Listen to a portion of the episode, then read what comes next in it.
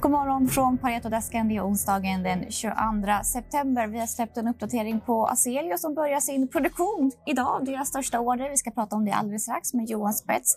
Vi börjar på Wall Street där eh, handelsdagen började på plus men kom sedan av sig och börserna stängde sedan kring nollan. Dow Jones stängde på minus 0,1 procent. S&P likaså. Nasdaq höll sig strax över nollan och stängde på plus 0,2 procent.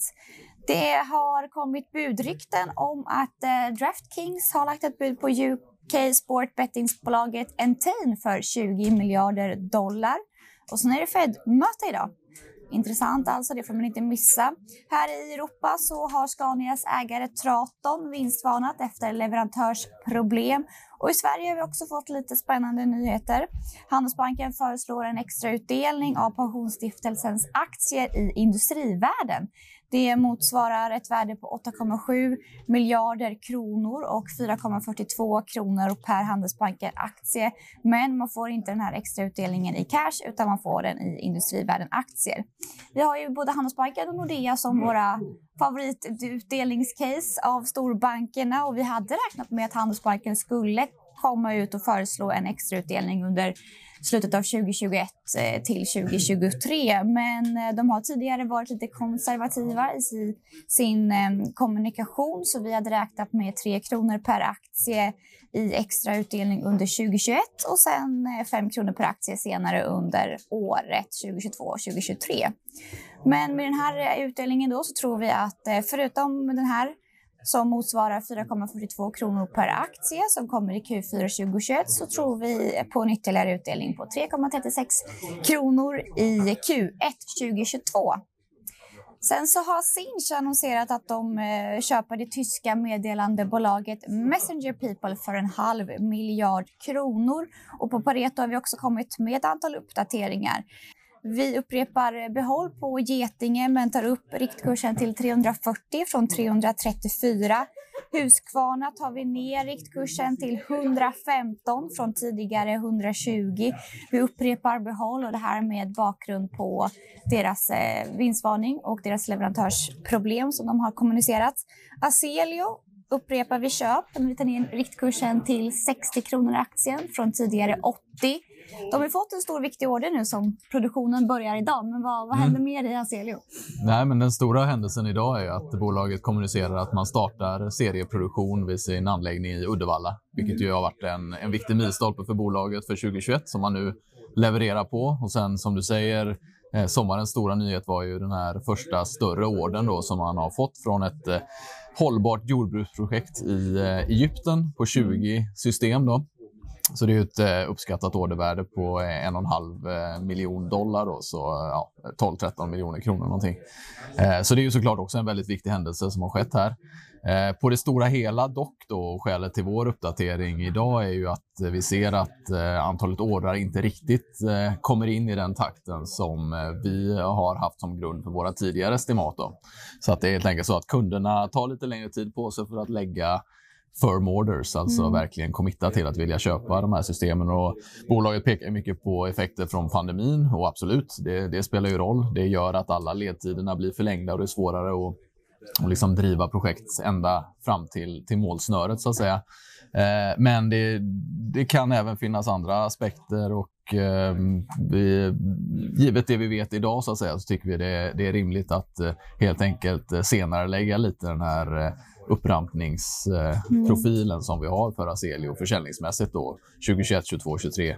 Så vi helt enkelt flyttar fram försäljningen framåt i tiden och det får ju dramatiska effekter på estimaten givet att det är en sån kraftig eh, tillväxtfas som bolaget går in i.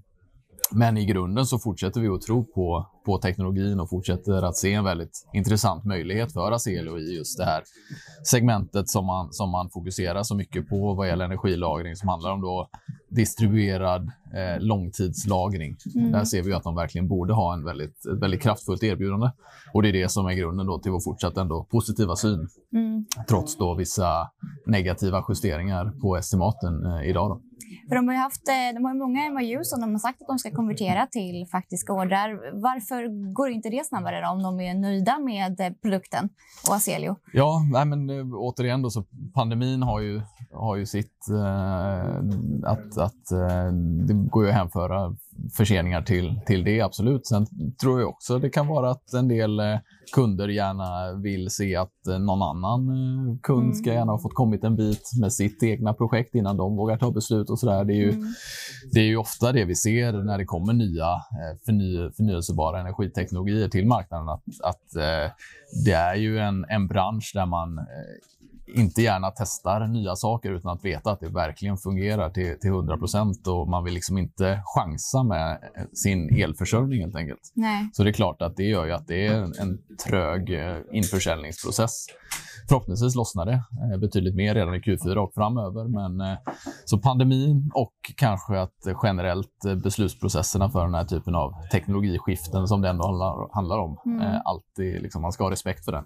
Har, har din syn på deras förmåga att skala upp eh, förändrats något?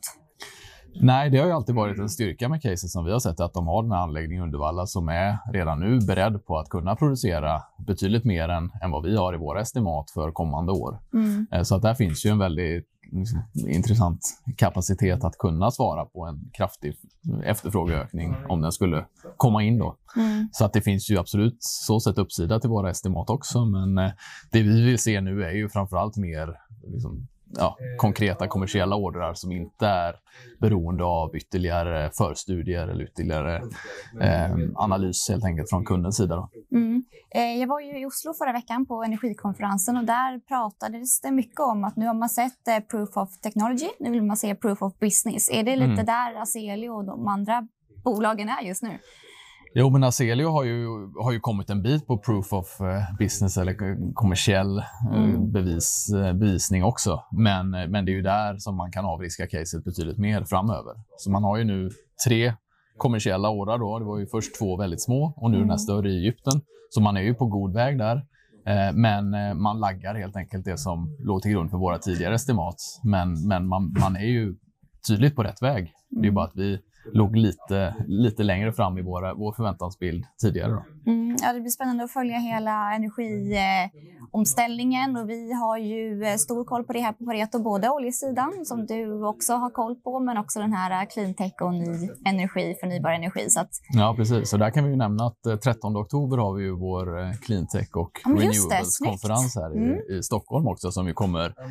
Ja, det kommer ju vara en intressant fortsättning då på energikonferensen i Oslo som vi hade i, i, i förra veckan. Då. Eh, Men med ännu mer fokus på dels svenska bolag, eh, även om vi har eh, norska bolag med också. Så är det majoritet svenska bolag. Och sen ännu tydligare fokus just på cleantech och förnybar energi då, på konferensen här i, i Stockholm om bara några veckor. mm. Och jag intervjuade ganska många av de bolagen förra året. Eh, och nu vill jag då kolla hur det går med kommersialiseringen, Precis. så det ska jag Ja. fokusera på. Så ja, men jättebra, det får ni lyssna in på och tack så mycket Johan. Ja, tack.